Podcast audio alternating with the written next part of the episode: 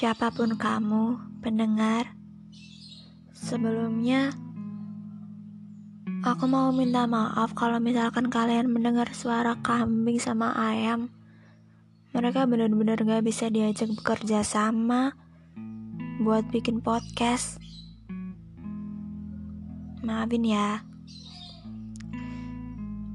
Uh, aku ingin menanyakan tentang Bentar, kalian siap nggak dengerin ini? Panjang emang. Tapi semoga kalian enjoy lah. Aku ingin menanyakan tentang pernah nggak kamu bertemu orang yang seolah dia manusia paling istimewa di bumi? Iya, Aku yakin semua manusia memiliki manusia lain yang menjadi istimewa dalam hidupnya. Ah, kalau memakai kata memiliki, rasanya terlalu mengekang. Karena manusia tidak bisa memiliki manusia lain. Bisa bergandengan, bisa saling menyukai, bisa saling mengistimewakan tapi tidak untuk kepemilikan. Aku, aku ada seseorang yang rasanya istimewa dalam hidupku. Dia mengagumkan, dia menyukai musik, dia pintar dalam banyak hal, dan rasanya dia sudah mengajariku banyak banget hal tentang hidup, bahkan dalam waktu yang masih singkat untuk bersamanya. Jujur, kalau bicara soal seseorang yang istimewa dalam hidup kita, rasanya selalu ingin memuja. Ya iya sih, normal. Rasanya tuh gimana pun dia tetap terlihat mengagumkan. Ya gitulah kalau udah pakai hati. Tapi kadang-kadang bisa sampai gak hati-hati. Karena terlalu mencintai itu jadi bahaya. Itu, itu yang membuatku menciptakan jarak dalam sebuah keterikatan. Bagaimanapun itu, manusia yang bukan diri kita sendiri adalah orang asing. Senyambung apa pun kita komunikasi hari ini, seterikat apa pun perasaan, sampai hafal aktivitas dia mulai dari tidur sampai dia tidur lagi, kita tahu semuanya tapi bukan tidak mungkin dia pergi meninggalkan kita yang ingin terus bersandar, tapi akhirnya dia sudah tidak mau lagi menjadi sandaran.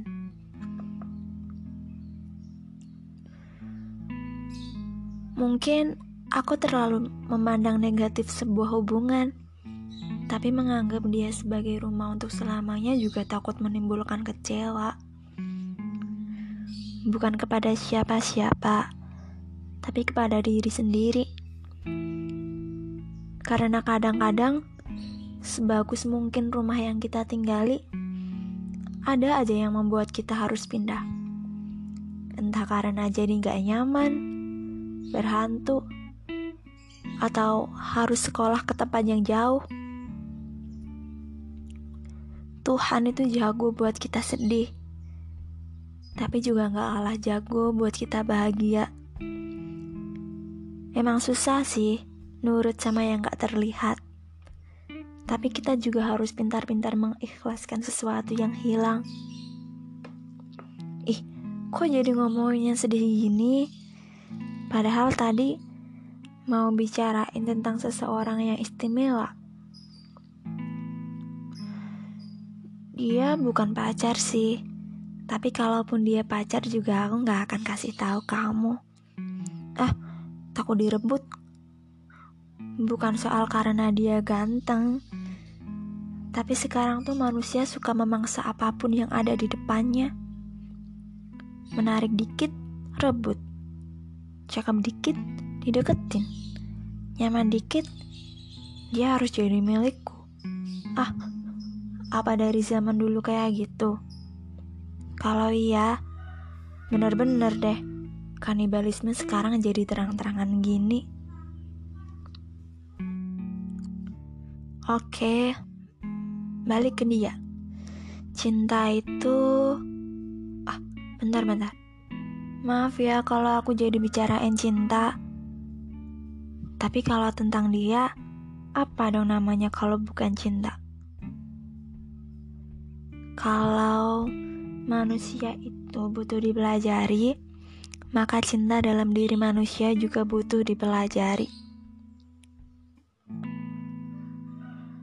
Kemarin ada cowok yang nyatain perasaannya ke aku. Bukan ngajak pacaran ya, tapi cuma nyatain perasaan. Jadi setelah beberapa lama cuma tahu nama satu sama lain, kami jalan. Ih, kok geli ya ngomongin kayak gini? Tapi aku serius. Jadi kita jalan. Ya udah jalan aja gitu. Ngomongin hal-hal yang biasa diomongin cowok cewek yang lagi jalan bareng buat pertama kali. Tapi apa sih yang biasa diomongin secara umumnya? Aku juga gak paham. Tapi aku ngerasa dia istimewa sudah sejak awal. Jadi aku gak bisa bohong sama dia adalah waktu-waktu yang gak pernah pengen aku lupain. Terus, aku ingat banget di bawah langit pukul 9 malam kalau gak salah, di jalan menuju parkir yang lumayan jauh. Waktu itu, bulannya emang bagus dan sedikit tertutup mendung gitu. Terus anginnya lumayan kencang, jadi emang agak dingin.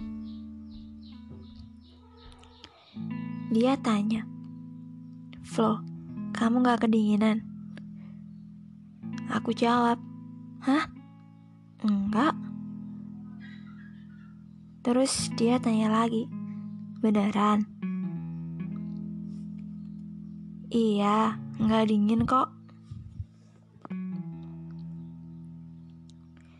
Dan aku mulai ngomentarin bulan. Bulannya bagus. Dia ikut lihat ke atas. Akhirnya, kami jadi ngebicarain bulan. Bulan yang gak ngapa-ngapain malam itu jadi bahan omongan kami. Awalnya sih, biasa aja. Tapi lama-lama dia jadi menuju ke perasaan sampai dia bilang, Seki gak kirai. Ah, paham gak artinya? Yang suka nonton film pasti paham sih. Itu salah satu idiom bahasa Jepang yang artinya Ah, susah nih kalau cerita kayak gini. Aku jadi malu sendiri kan. Hmm, itu tuh artinya sama kayak semacam aku cinta kamu gitu. Dan ya aku langsung paham dan kaget. Ya siapa yang gak kaget sih? Waktu itu kan kami jalan kaki bareng ya terus dia bilang lagi sekides aku diam aku diam bener-bener kayak aku harus apa? Aku bingung mau ngomong apa. Ini aku cerita gini kalian paham gak sih? Iya dari iya dia pakai bahasa Jepang itu. Dan kata itu adalah pernyataan suka. Dari yang awalnya diem Aku mempercepat langkah biar gak sejajar sama dia karena suasana waktu dia bilang itu tuh bener-bener bikin aku bingung mau gimana. Terus bukannya makin diam, dia malah ikut mempercepat jalannya dan bilang bilang perkataan tadi dengan lebih lantang dari sebelumnya. Dan percaya gak percaya, aku gak nanggepin itu sampai jalan pulang jahat ya? Kalau emang itu jahat, maafin aku. Kaget emang bikin manusia bingung mau gimana. Tapi gak berhenti sampai di situ. Waktu makan, dia nanya lagi. Gimana? Oke, aku bingung mau jawab apa. Justru malah aku tanya balik. Gimana apanya? Aku yakin kamu gemes denger ini. Tapi beneran gitu. Terus dia jawab, Ya yang tadi. Dia diem sebentar. Terus dia bilang lagi, Aku cuma ngungkapin perasaan, aku belum ngajak pacaran. Jujur, ini adalah pertama kali aku dalam suasana kayak gitu, dan aku jadi kaku sendiri. Tapi kemudian aku jawab, apa nggak terlalu cepat? Emang apa yang buat suka? Aku benar-benar tanya itu dengan hati-hati dan dia malah bilang, apa sih yang bikin suka kalau bukan nyaman? Jujur, kalimat itu membuatku terdiam. Hal-hal setelah itu ada banyak pembicaraan, tapi gak perlu ada di podcast ini. Tapi, apa emang iya satu alasan paling mendasar dari jatuh cinta itu nyaman? Awalnya dan setelah beberapa lama, aku merasa aku harus membuktikan kata nyaman itu. Ya supaya aku tidak merasa itu hanya teori. Dan aku gak pernah sebertanya-tanya ini sebelumnya. Setelah peristiwa itu, dunia serasa jungkir balik.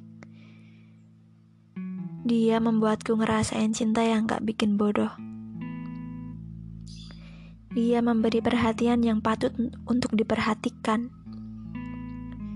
Dia membuatku tertawa dari hal yang patut ditertawai.